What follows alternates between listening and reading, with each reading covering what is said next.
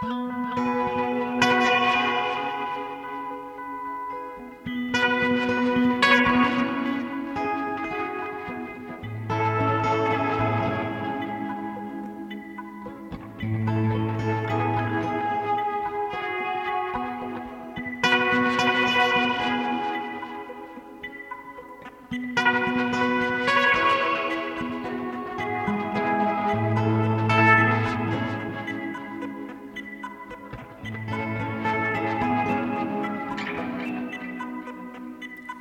og sæl ágætu hlustendur. Guðinu Tómasson og Halla Harðardóttir hels ykkur hérna úr hljóðstofu Vísjár mánudaginn 15. mæ. Í þætti dagsins bjóðum við upp á myndlist í tónum Ísak Harðarsson og myndlist og amerískan fótbolta. Úlfur Eldjárn gaf út nýtt lag í síðustu viku og vonir á plötu á næstunni. Lægið ber nafnið Continuum og gefur forsmekka því sem að koma skal á nýri plötu. Það er samið fyrir piano og rafrænan hljóðheim sem er að mestu búin til úr pianohljóðum.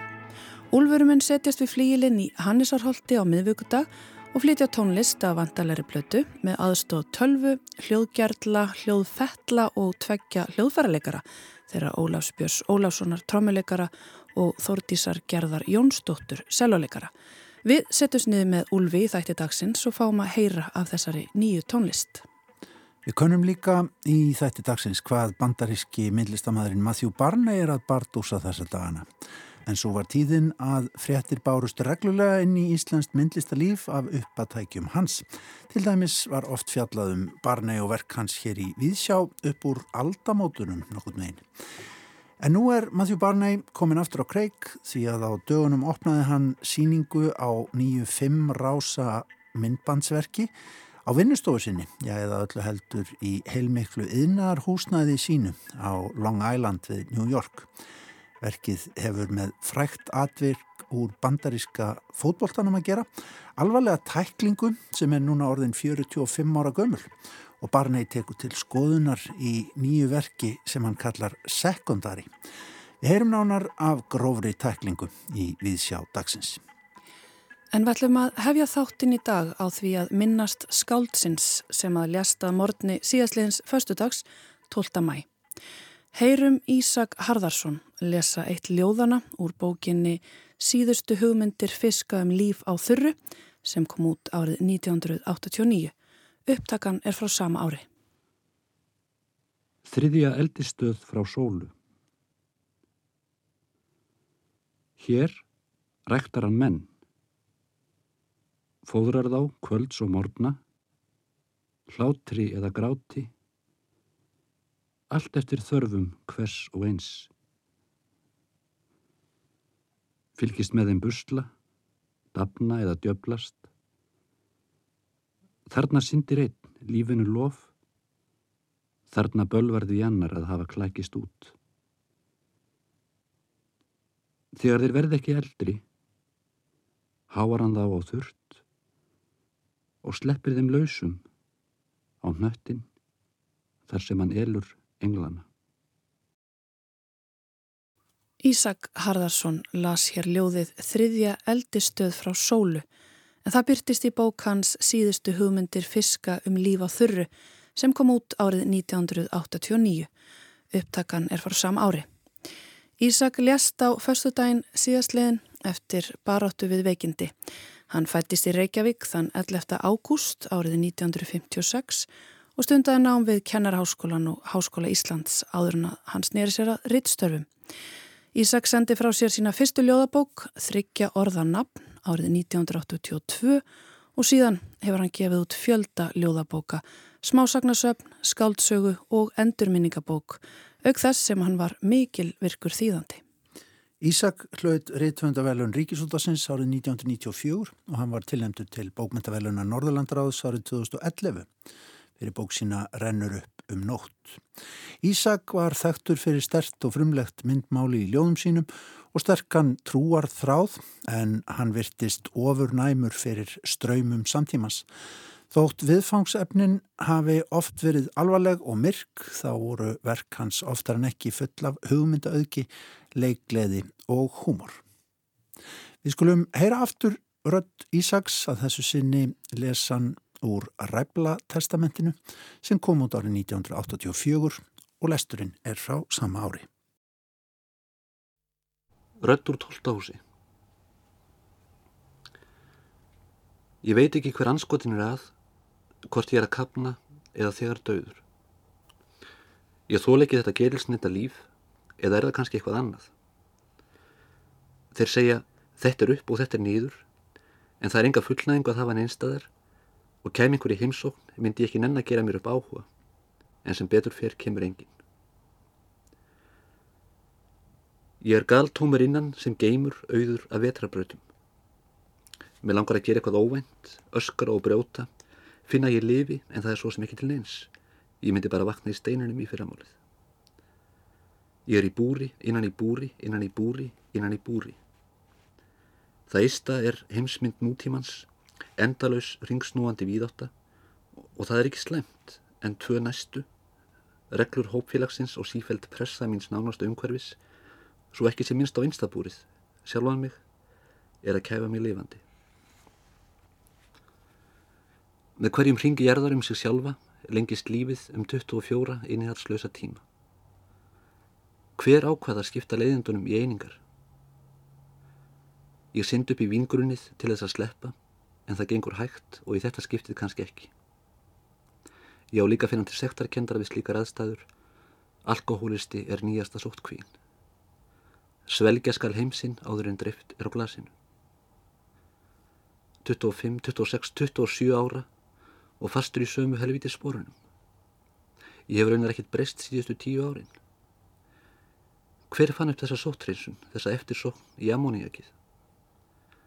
Ég skal skúra allan heiminn, elsku mamma, og svæfa kvatir þínar undir fróðunni.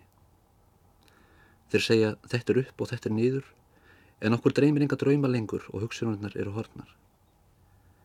Ég neyta að skúra, neyta að bera þessa dauðagrímu, djöfullin má hýrða það allt fyrir mér.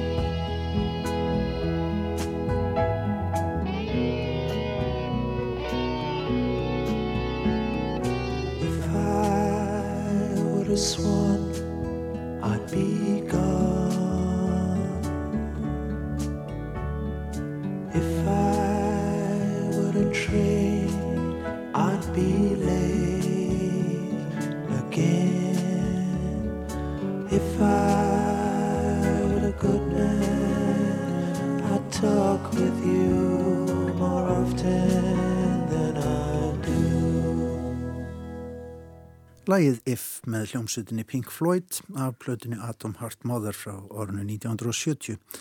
Lag þar sem að meðal annars segir í upphafi væri ég svanur þá væri ég farin, væri ég lest þá væri ég alltaf sein og væri ég góð manneskja þá myndi ég tala oftar við þig en ég geri. Hér leikið á eftir lestri Ísaks Harðarssonar sem að lest síðastliðin förstu dag 67 árað aldrei Ísak las úr Ræblatestamentinu, bók sem að koma út árið 1984 þarna fyrir okkur. Við hér í Vísjá vottum aðstandendum Ísaks samúð okkar og þökkum um leið fyrir þær gersimar sem hann lætur eftir sig. Við bendum hlustendum á að þáttur Jórunar Sigurðardóttur um Ísak Harðarsson, undrunin hún lýsir upp myrkrið frá 2011, verður endurfluttur þann 29. mæ á annan í Kvítasunnu. En þá fyrir út í heim og eitthvað aftur í tíman. Svo var tíð hér í Víðsjá getur hlustendur rétt upp úr aldamótunum síðustu að reglulega voru saðar fréttir af nýjustu uppáttækjum bandarisks myndlistamanns sem fættur er árið 1967 og fekk á sig nánast gáðsagna kentan stimpil um skeið í myndlistalífinu alþjóðlega. Og svo fór fyrir rest að viðtal var tekin við hann hér í Víðsjá þegar verkans leituðu til Íslands stranda. Við förum nánast upp á punkt og prigg 20 ár aftur í tíman. Þetta er sendt í mæ árið 2003 hér í Víðsjá. Well, I, think in a funny way that, um, um, I mean, for sure to, to for, for sure to watch these these pieces communicate in, in a broader way is um, um, it's it's uh, it's very satisfying. But but I, but I would say this is my opinion, but I think that the sculpture that came out of uh, out of number three is the strongest um, in the cycle, and I think that. Uh, yeah, I think that there is something useful to the, the in that the, the, that the story in number three is probably the most legible, um, and that the those narrative sculptures that came out of number three, um, as I said, I think are the, are the are the strongest in the in the whole cycle. So I think that there is something. There is something Skulptúrlist valuable getur lifað nær kvikmyndahúsunum en Matthew Barney gerði image ráð fyrir. Heimur listarinnar er opnar en hann hjælt. Þetta lærði hann á meðan verkefninu stóð. Well, I, I- again, I think that the that the connection to um, to the cinema um, and the fact that that the Cremaster Cycle developed this this other audience and brought that audience into the into the museum. Um, um, you know, it makes for an interesting cross section of people at, at any given exhibition. It's um, Þarna var það Marteit Breki Helgason sem þá stóð viðsjárvaktina á samt Eiriki Heitnum Guðmundsinni og Ragnhiði Gíðu Jónsdóttur að ræða við bandaríska myndlistamannin Matthew Barney um frægustu verk hans Kremaster-seríuna góðsagnakendu. Íburðarmikil og flókin vídeoverk sem hann vann í fimm þáttum millir árana 1994 og 2002. verk sem að æðsti páfi myndlistar umfjöllunar hjá breska blaðinu The Guardian kallaði á sínum tíma einhver hugmyndaríkustu og glæstustu afreg í sögu framsækinar avantgard kvikmyndalistar. Þetta var Jonathan Jones sem að þarna hjælt á penna. Matthew Barney kom þarna til Íslands árið 2003 með verksinn til síninga í nýlistasafninu. Matthew Barney fættur eins og áður segir árið 1967 greip í upphafi nýrar aldar aðtegli alþjóðlugu myndlistasennunar og þá líka þeirrar íslensku. Og þá ekki síst vegna þess að hann var í rúman áratög lífsförnautur og basfæðir Bjarkar Guðmundsdóttur en þau sleitu samvistum fyrir um áratög og fjallar einn plata tónlistakonunnar Vulnikúra frá 2015 um tilfinningalegt álag sem að því fyldi. Barney er hins vegar fættur í Kaliforníu þar sem hann bjó fyrstu árin í San Francisco. Unglingsárin voru hins vegar í borginni Boise í Idaho og það var þar árið 1978 sem Matthew Barney, rétt eins og miljónir annara bandarækjumanna, var vitni að stóru atviki í íþróttaleik einum. Atviki sem ennur milli tannana á þeim sem fylgjast með amerískum fótbolta. Oh.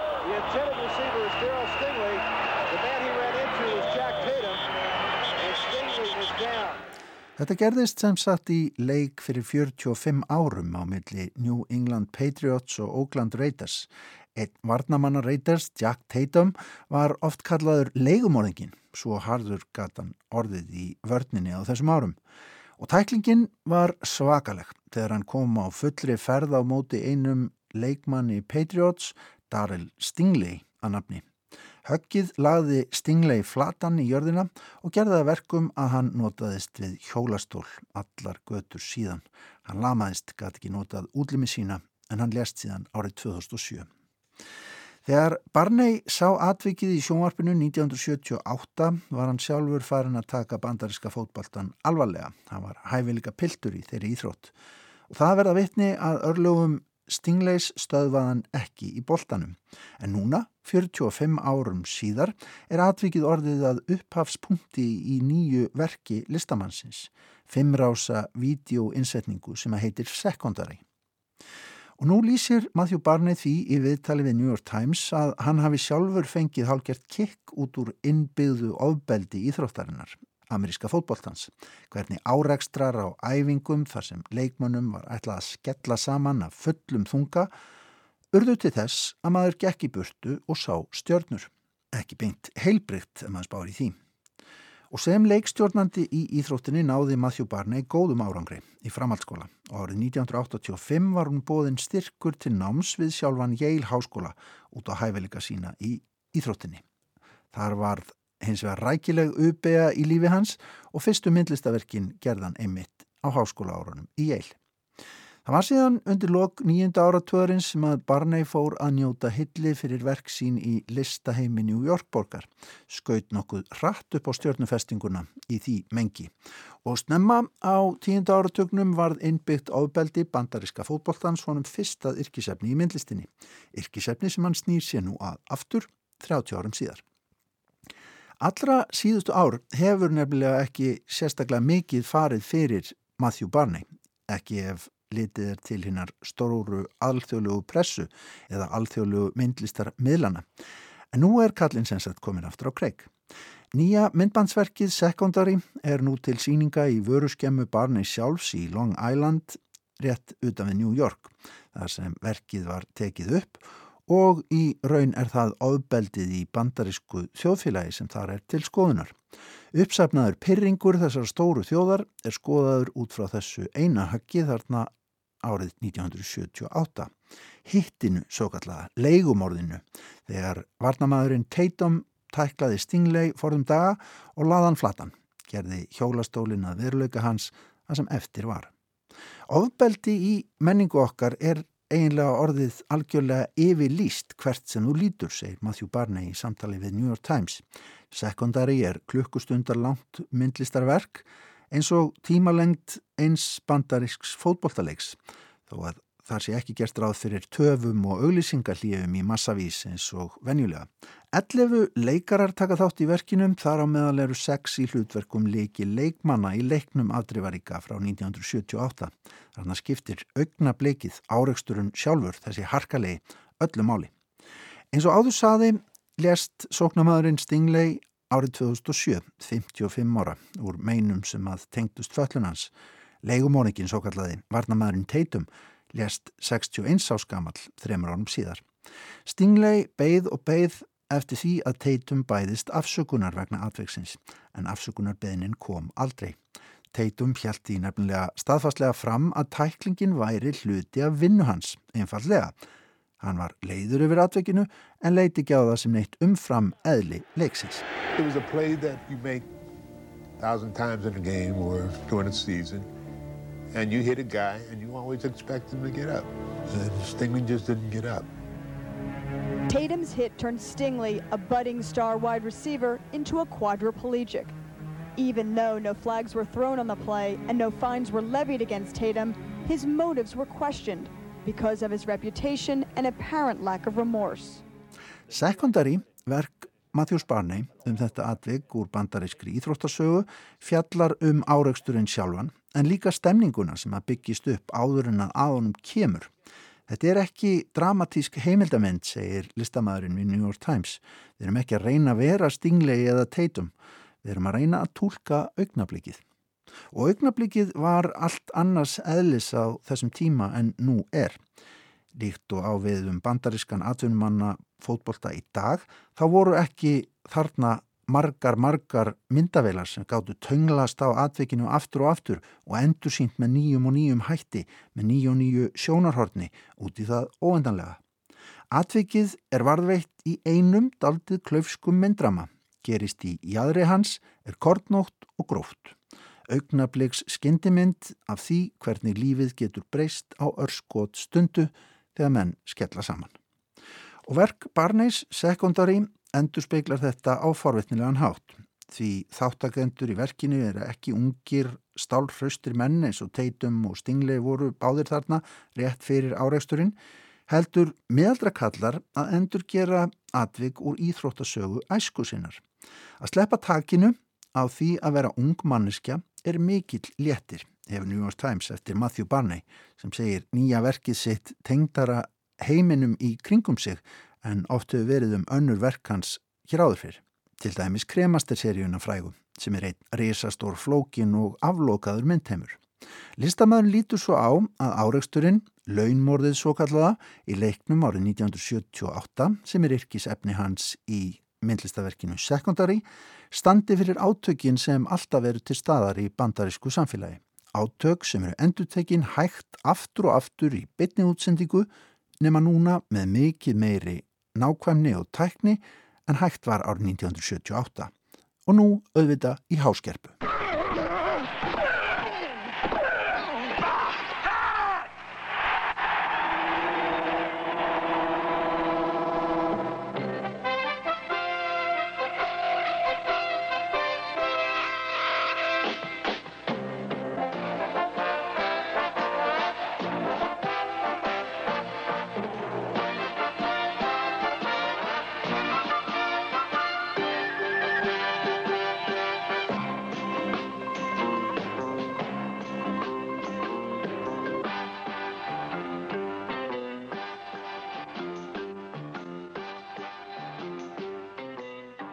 Nokkrir tónar úr stemningunni í ameríska fótboltanum í kringum árið 1978 skeitt þarna aftan við umfjöllunum nýjustu myndlistarafurð bandaríska myndlistamannsins Matthew Barney.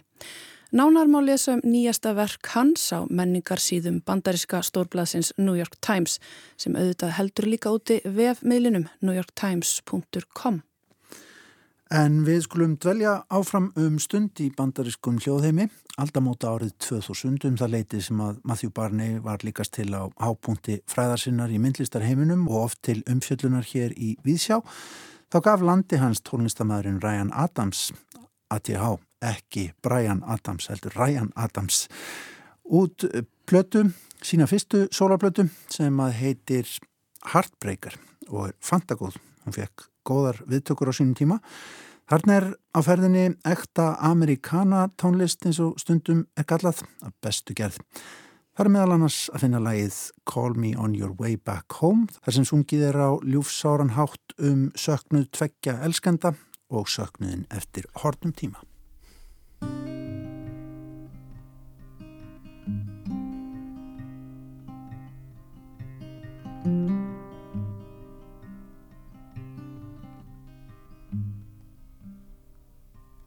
Oh, baby, why do I miss you like I do? Oh, miss my sweet, and the birds all singing blue. And why, and why?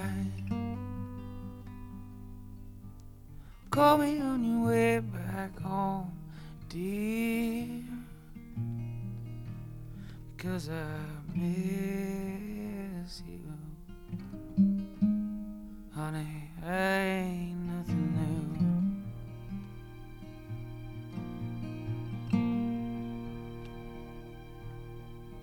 Oh, baby, why did I treat you like I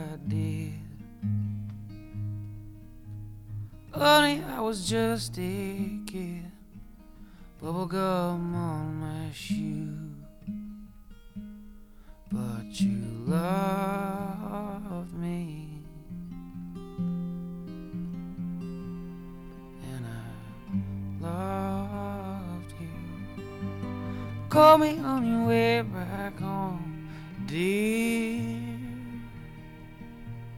Cause I miss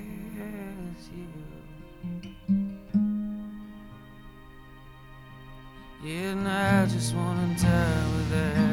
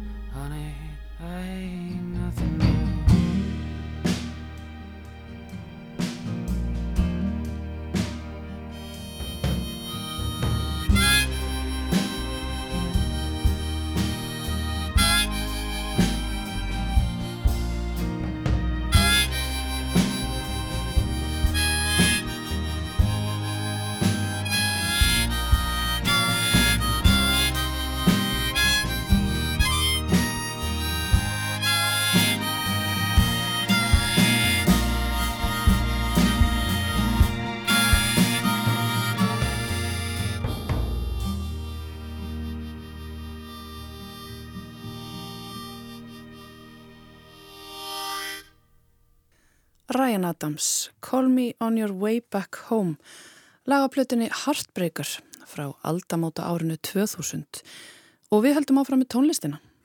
Já, Úlfur Eldjátt gaf út nýtt lag núna í síðustu viku og vonar á plötu frá honum á næstunni. Lægið beður nafnið Continuum og gefur forsmekk af því sem að koma skal á nýri plötu.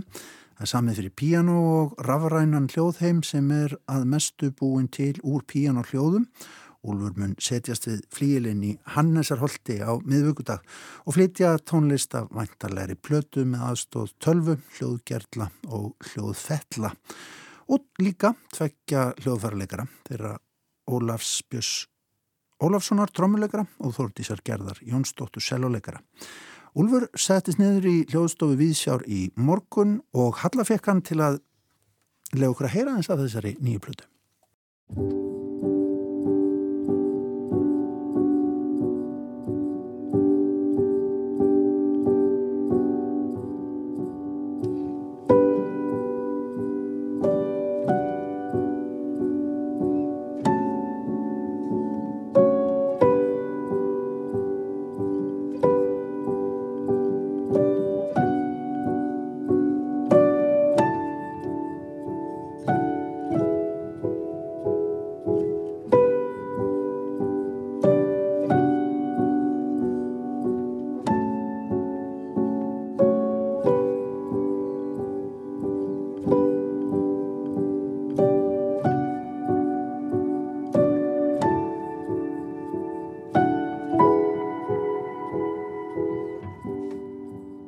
Vertu velkomin í Vísjá, Úlfur Eldjárn.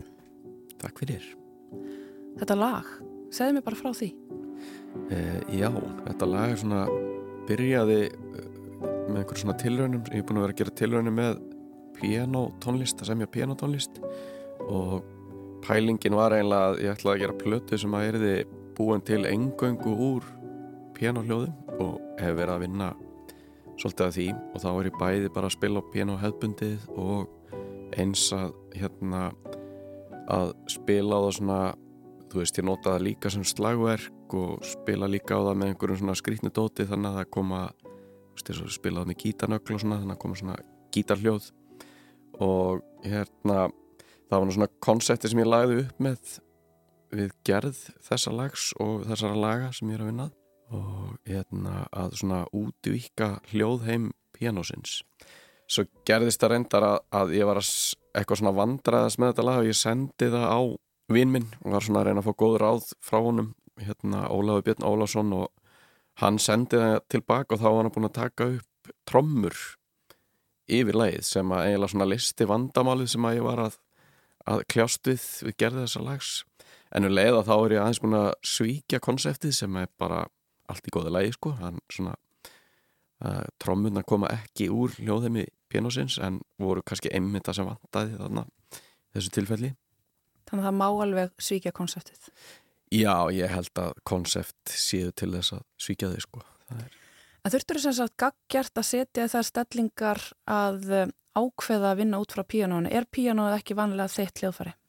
Ekkert endilega, ég hef svona verið með hljómborð oft af því að ég er í orgelkvartett og ég er engin sko sérstakku pianoleikari þannig en það sem ég finnst rosalega gaman að gera og ég ætla að gera á tónleikunum á miðgudaginn það er hérna að þá er ég að taka upp pianoið í rauntíma og láta svo tölvuna kannski lúpa nokkra takt af því sem ég geri og bæti svo við annar í lúpu ofan á og svona uh, já, það alveg ótrúlega gaman að gera einhverju tilraunir með það að, að blanda saman pianoi, tölvu og tækjum og já, ég held að pianoið er eiginlega svona það er eiginlega svona eitt tæknilegasta hljóðfæri sem að hefur verið fundið upp.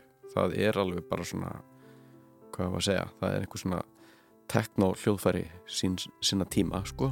Og tæknilegra heldur en allar þessar tölfur sem þú ert að kljást við. Já, ég myndi segja það, svona, þú veist, það er svo hárfín mekaník í í pianói og, og hérna og já, og það er mjög gaman að láta þess að heima mætast einhvern veginn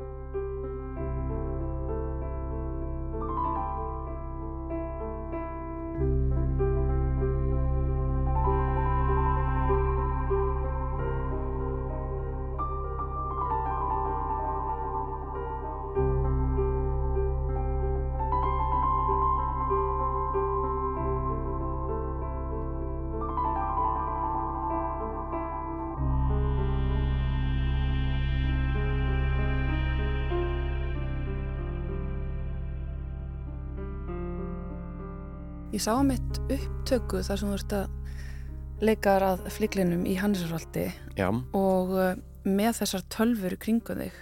Og ég veldi fyrir mér bara hvernig, hvernig þetta fer eiginlega fram að vera að spila á píanóið og stýra þessum tölfum um Já, leið. þetta er eitthvað svona ferli sem að þú ert að vinna Já, með. Þetta er svona smá á, áhættu atrið fyrir mig mm -hmm. og það er svona það er líka það sem verður skemmtilegt við þessa tónleika vonandi er það að þetta er mjög levandi ferli og það er svona margt sem getur farið úr skeiðis þannig að hérna, við erum ekki að tala um svona klassíska pianotónleika heldur er þetta kannski meira einhvers konar ráftónlistar e, tónleikar en með pianoið algjörlega svona í fórgrunni og já, það er ég er svona smá stressaður sko. Þetta er, maður þarf að undibúa sér svolítið svona, skipilegja sér svolítið og svo þarf maður samt að vera tilbúin að vera mjög spontant þegar skipilegið klikkar mm -hmm.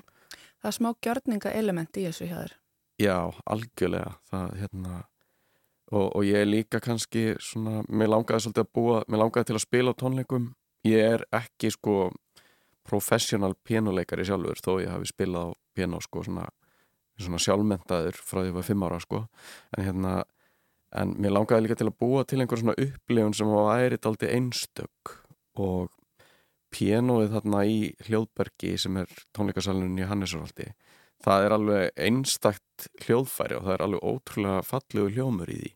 En mér fannst svo spennandi að fara þarna inn og gera sko eitthvað annað heldur en hefðbundna pianotónleika eða þetta er ekki klassíski tónleikar eins og ég segi heldur er þetta meira svona ég ætla að nota pianoið til þess að flytja þessi lög og reyna að búa til einhvern svona hljóð heim á staðnum og síðan er sko öll elektróningin sem ég með ég lætt hana sko blandast svona eðlilega við akústíkina í herberginu. Ég er ekki að reyna að sko blasta alveg. Þannig að sko svona fólk fær alveg þessa upplifun að því að vera nálægt flíklinum líka og, og svona upplifa þessa náttúrulegu hljóðbylgjur í blandið alla elektróningina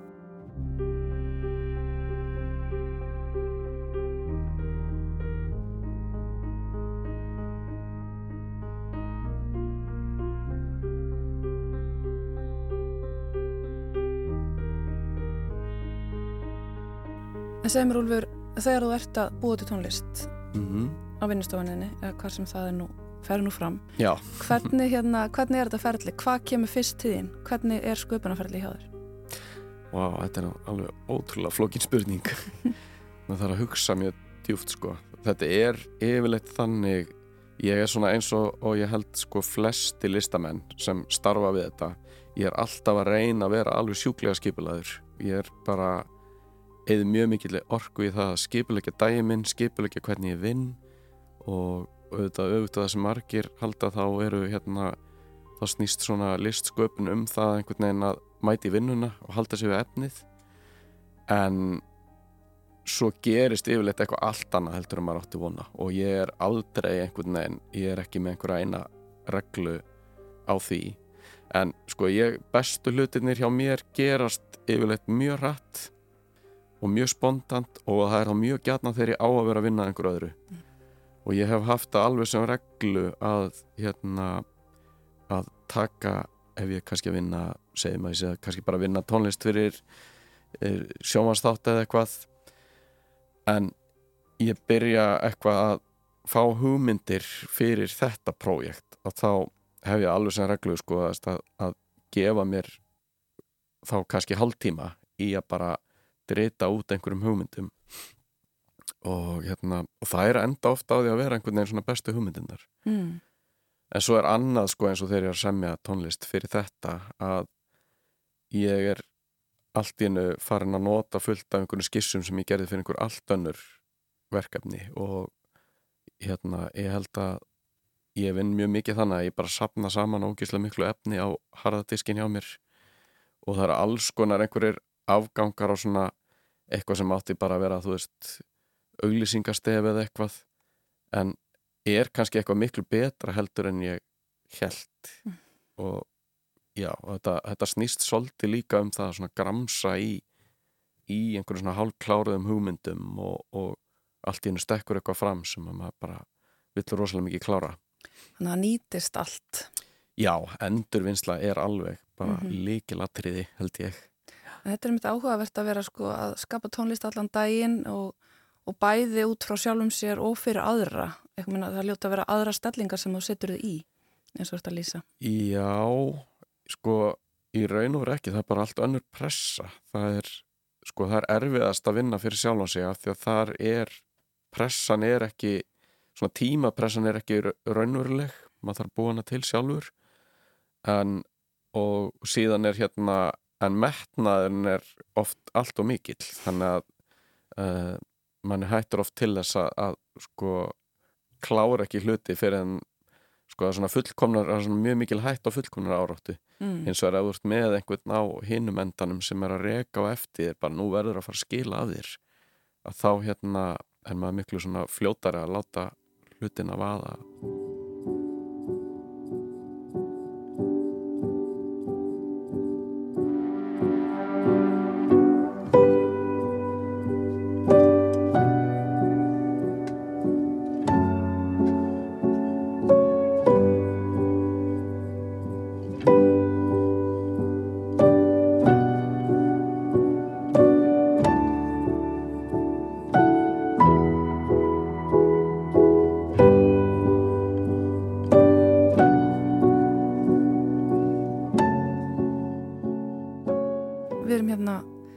hlusta aftur á lægið.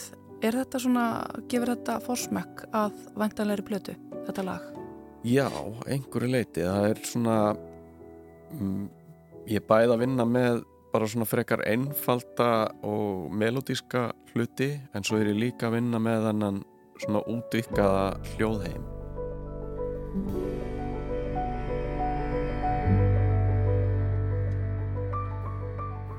Fle, sko flest hljóðin sem þú heyrir í þessu lægi þau koma uppröndilega úr pianoinu en þau kannski hljóma eins og eitthvað einhver hérna elektróník eða einhver, eitthvað hljómborð eða syndi og hérna þannig að þetta er svona ákveðin forsmekkur en þó eru lögin bara dalti ólík innbyrðis.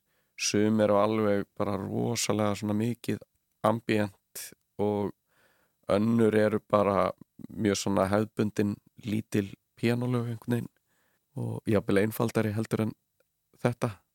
Continuum. Já, nafnið á þessu lægi já. sem að verður nafnið á plötunni Þetta gæt, gæti orðið nafnið á plötunni.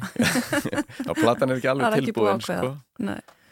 Nei, sko, ég hef svo sem ekkert eitthvað mikið um þetta nafn að segja nema það er svona tenging við einhverja svona stjörnufræði og einhverja svona game rýmdar pælingar og það sem að ég var alltaf að hugsa um þegar ég var að gera þetta lag var að, að þetta væri svona fjallaði svona um um endalausan alheim sem býr innra með okkur. En síðan hérna gerði vinnu minn hann Arna Geir Ómarsson svo fallega svona forsýðu á lægið fyrir mig og það er byggt sem sagt á gömlu málverki sem að amma mín gerði Anna Sirju Björnsdóttir og hún hérna var pjánuleikari og e, bara einn fyrsta konan sem að útskriðast með burtfara prófi pjánuleika á Íslandi. Og svo var hún líka sem sagt málari og myndlistakonna og hafði mikil áhrif á mig og alla afkomundu sína og hérna, það sem hún var alltaf, hún talaði alltaf um tónlist, hún sá tónlist mjög svona sjónrænt fyrir sér og svo hugmynd er mjög áberandi held ég á þessari plötu og tengist svolítið henni að hérna, þetta er einhvers konar svona myndlist í, í tónum og fólk er bara svona mjög velkomið að sjá fyrir sér bara hvað sem er